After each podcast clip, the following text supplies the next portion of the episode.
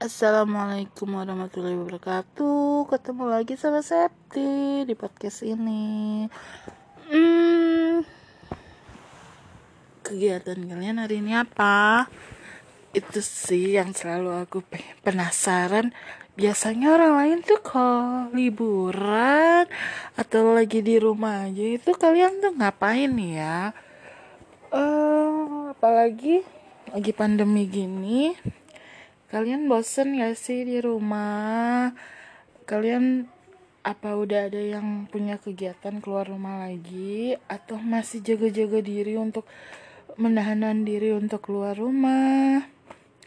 Kalau aku sih udah beberapa kali nih keluar kota karena ada pekerjaan atau hal-hal penting lain lainnya yang terpaksa akhirnya aku harus keluar kota.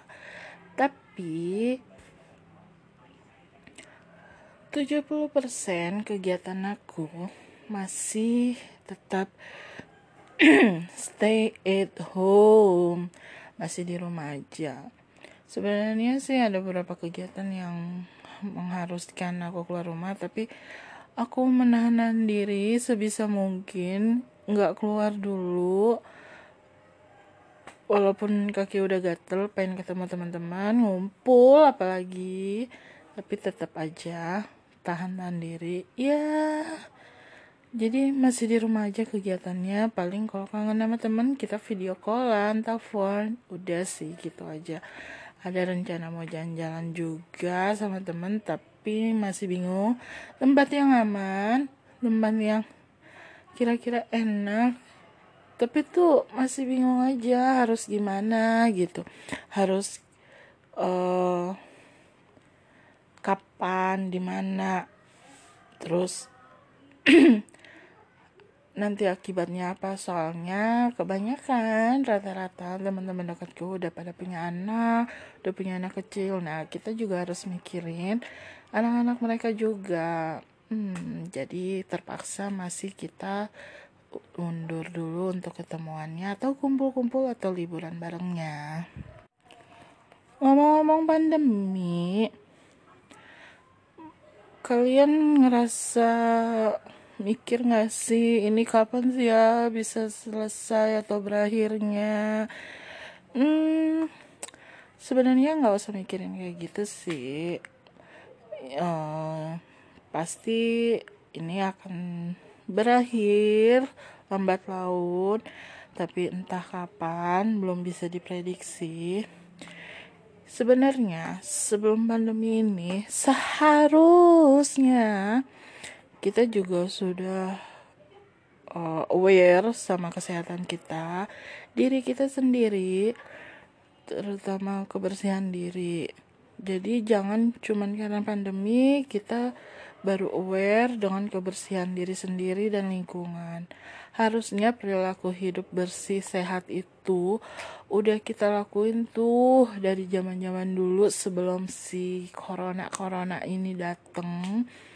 Harusnya kita juga udah ngelakuin itu. Itu harusnya udah jadi apa ya? Darah daging kita udah hal suatu hal kebiasaan gitu perilaku hidup bersih sehat itu ya salah satunya ke uh, olahraga cuci tangan uh, nggak sembarangan memakai uh, alat makan sama-sama dengan teman. Sebenarnya dari dulu juga penyakit selain corona hepatitis pun pemicu awalnya itu makan makanan sembarang terus bareng-bareng sama teman.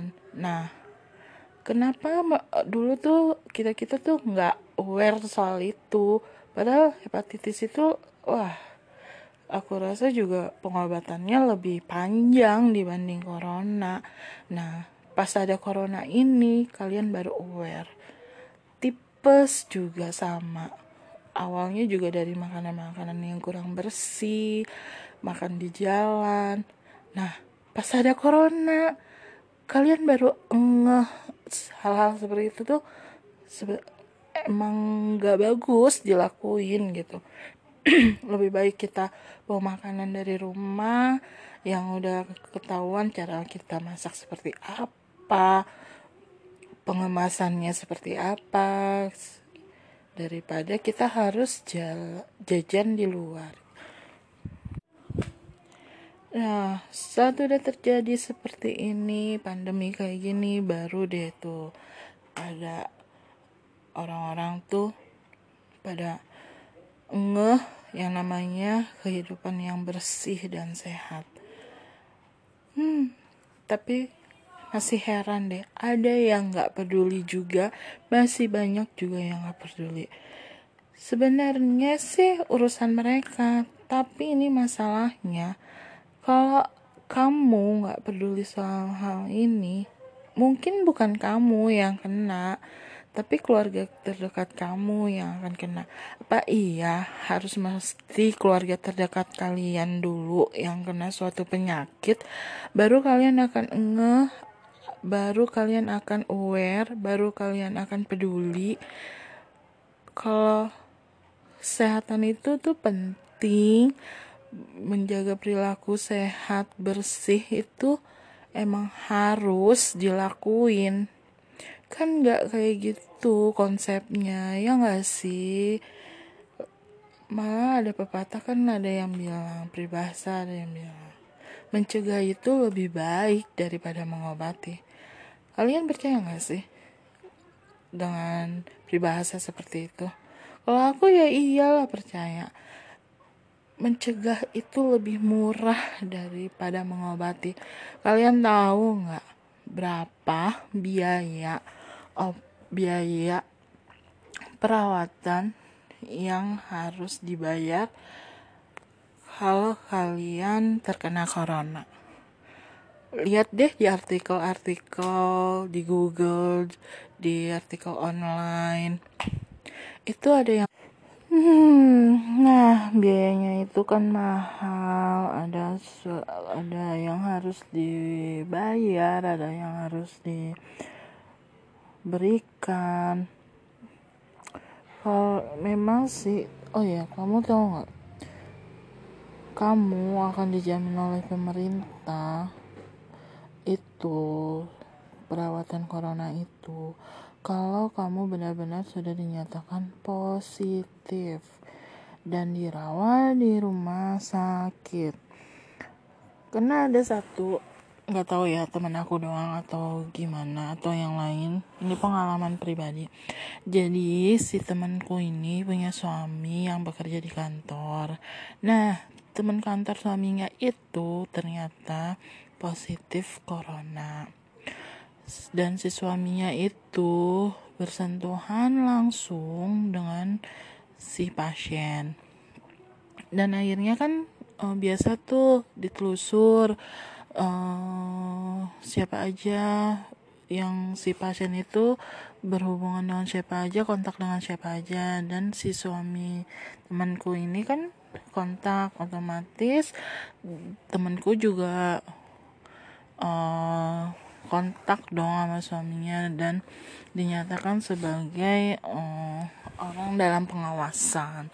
Nah, udah gitu mereka akhirnya disuruh isolasi mandiri. Akhirnya setelah isolasi mandiri dan harus periksa si suami dinyatakan untuk saat itu sehat tidak terkena corona dan temanku ini malah yang nggak kontak sama sekali dengan si pasien ibaratnya udah terlapisi dari suaminya dulu malah dia yang terkena dengan si virus corona ini kena si covid 19 ini.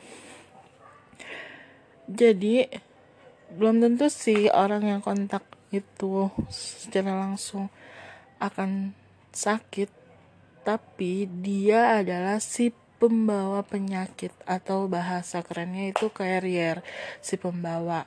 Nah, karena si imun suaminya bagus, jadi dia si virusnya itu masih ibaratnya kalah lah sama si uh, imun.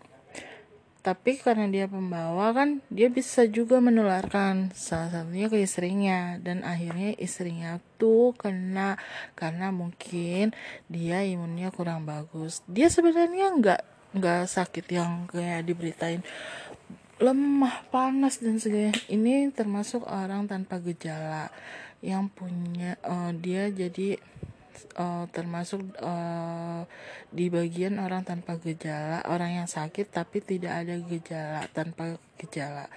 Tetap dia itu harus isolasi mandiri si temanku ini. Tapi karena dia OTG, orang tanpa gejala, rumah sakit itu uh, tidak banyak beberapa rumah sakit yang tidak menerima dia karena dia itu sehat. Sebenarnya maksudnya secara fisiknya itu sehat. Nggak ada panas nggak ada batu nggak ada pilek nggak ada sesek atau apa. Tapi dia itu punya si virusnya itu. Nah disarankan hanya di rumah saja. Dan itu nggak akan dijamin sama pemerintah. Tapi lo tetap di rumah menjalan beli obat segala macam itu sendiri. Tidak dapat asuransi. Itu karena dia pakai jaminan dari pemerintah itu kan karena nah kalau kamu tidak punya asuransi ya nasibnya sama kayak temen aku pasti isolasi mandirinya di rumah dan tahu dong karena si temanku ngerasa dia punya penyakit nih pasti dia akan otak dia tuh akan stres. Kenapa nggak dirawat? Nanti kalau gue ada apa-apa di rumah gimana gimana gimana? Dah segala macam pikiran jelek itu pasti akan keluar. Dan itu akan mempengaruhi proses penyembuhannya aku tanya dari kantor emang nggak dapet? Hmm, kata dia tidak dijamin. Nggak ngerti kenapa nggak dijamin. Secara sebenarnya semuanya hampir semua asuransi saat ini pasti menjamin. Nggak ngerti itu dia kenapa nggak dijaminnya. Aku nggak nggak tahu. Intinya sih kalian itu harus tetap jaga kesehatan apa pun kondisi kamu apa pun keadaan kamu kesehatan itu nomor satu. Kalaupun kamu dirawat biayanya yang tadi aku sebutin bisa ratusan juta itu. Dan kamu tahu nggak untuk proses dirawat itu kamu harus memiliki tahap-tahap pemeriksaan. Dan biaya pemeriksaan sebelum dirawat itu kamu tuh harus bayar sendiri. Nggak dijamin. Ada keluargaku juga kayak gitu. Dia ronsen bayar sendiri. Tes swab bayar sendiri. Tes uh, rapid bayar sendiri. Sampai dinyatakan dia harus dirawat baru akan dijamin pemerintah kalau kamu nggak punya biayanya uang dari mana? Kamu tahu nggak sih tes rapid aja ratusan ribu. Ronsen ratusan ribu. Apalagi yang swab katanya ada yang sampai jutaan. Uang dari mana coba? Apalagi sampai kamu harus dirawat dan kamu tidak uh, tidak punya jaminan apa pun. Itu yang biayanya bisa ratusan juta. Kalau kamu mau perawatan yang terbaik. Kalau yang biasa itu ya jutaan lah sehari untuk dirawat. Selain corona sebenarnya ada beberapa penyakit yang biayanya sangat-sangat mahal seperti gagal ginjal, jantung, terus hmm, cancer itu pastinya biayanya sangat-sangat sangat mahal sampai ratusan juta. Kebayang gak sih kalau kalian tuh nggak punya simpenan dana darurat, simpanan dana lebih, simpanan dana darurat untuk kejadian hal-hal seperti itu. Karena apa? Karena kalian tidak menjaga kesehatan kalian. Kalian nggak punya dana itu. Dan kalian juga nggak jaga kesehatan kalian juga.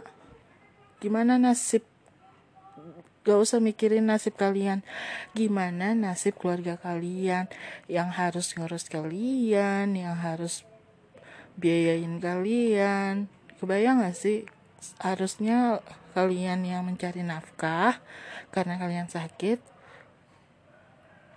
kalian udah gak bisa menghasilkan lagi dan yang dibebani adalah siapa? Keluarga kalian, keluarga terdekat kalian. Bisa istri, bisa suami, bisa anak, orang tua, bisa bisa saudara, siapa aja. Kalian mau hidup kalian tergantung oleh orang-orang yang kalian sayangi. Kalian sama aja menyusahkan orang-orang yang kalian sayangi. Solusinya selain kalian bisa menjalankan hidup sehat seperti olahraga uh, makan makanan bergizi seimbang terus menghindari makanan-makanan yang seperti junk food atau yang lain-lainnya kalian juga harus menyiapkan dana dana lebih untuk kejadian hal-hal seperti itu Salah satunya untuk menyediakan dana itu yaitu dengan pertama sama tabungan. Berapa tabungan kalian udah cukup belum untuk hal-hal seperti itu? Minimal tabungan kalian itu yang tidak dipakai sama sekali bisa mencakupi beberapa bulan ke depan ke, mencakupi kehidupan keluarga kalian beberapa bulan ke depan. Minimal kata pakar ekonomi sih 6 bulan. Bahkan ada yang bilang setahun. Cukup nggak uh, tabungan kalian segitu kalaupun kalian udah punya tabungan ratusan juta atau mencukupi sampai beberapa bulan itu tabungan hanya untuk menutupi biaya kehidupan kalian, kehidupan keluarga kalian selama beberapa bulan. Tapi bukan untuk menutupi kehidup uh, menutupi biaya-biaya pengobatan, biaya-biaya rumah sakit dan biaya-biaya lainnya, belum termasuk hutang-hutang. Untuk menutup lalu biaya lalu solusi yang tepat tuh apa selain tabungan yang kedua itu solusinya adalah kalian punya jaminan atau asuransi minimal kalian harus punya asuransi kesehatan. Kenapa minimal kalian punya asuransi kesehatan? Karena kalau kalian udah punya tabungan yang tadi sudah disebutkan dan kalian juga sudah punya asuransi kesehatan untuk beberapa ke bulan ke depan keluarga kalian bisa menghidupi bisa menutupi keperluan rumah tangga dan untuk biaya rumah sakit kalian nggak usah pusing karena sudah tercover oleh asuransi. Itu. Kalau lebih bagus jika kalian juga punya asuransi jiwa. Tuh. seperti misalnya amit-amit kalian punya um, kalian tidak bisa bertahan hidup karena penyakit tersebut keluarga kalian masih bisa memiliki uang pengganti pendapatan dari uang asuransi itu. jadi untuk beberapa tahun ke depan warga kalian tetap aman dalam uh, masalah ekonomi untuk kebutuhannya sehari-hari segala macam walaupun kalian sudah nggak ada atau tutup usia. Nah itu sih pentingnya asuransi tabungan dan pola hidup. Bukan untuk diri kita kita bukan untuk memikirkan diri kita sendiri, tetapi kita memikirkan juga orang-orang sekitar kita, orang-orang yang kita sayangi. Jadi mulai sekarang coba deh dipikirin lagi apa kita udah mempersiapkan itu semua, apakah kita sudah cukup mapan, cukup sehat agar orang-orang sekitar kita juga tidak merasa terbebani saat kita mengalami resiko-resiko kehidupan, bisa sakit ataupun kematian yang paling parah. Oke, sekian dulu podcast dari aku. Udah nggak yang kak panjang lebar, lama juga ya sharing-sharingnya. Semoga sharing kali ini bisa bermanfaat buat kita semua, bisa jadi pelajaran juga buat kita semua. Sampai jumpa lagi di podcast berikutnya. Assalamualaikum warahmatullahi wabarakatuh. Ketemu lagi nanti dengan Septi.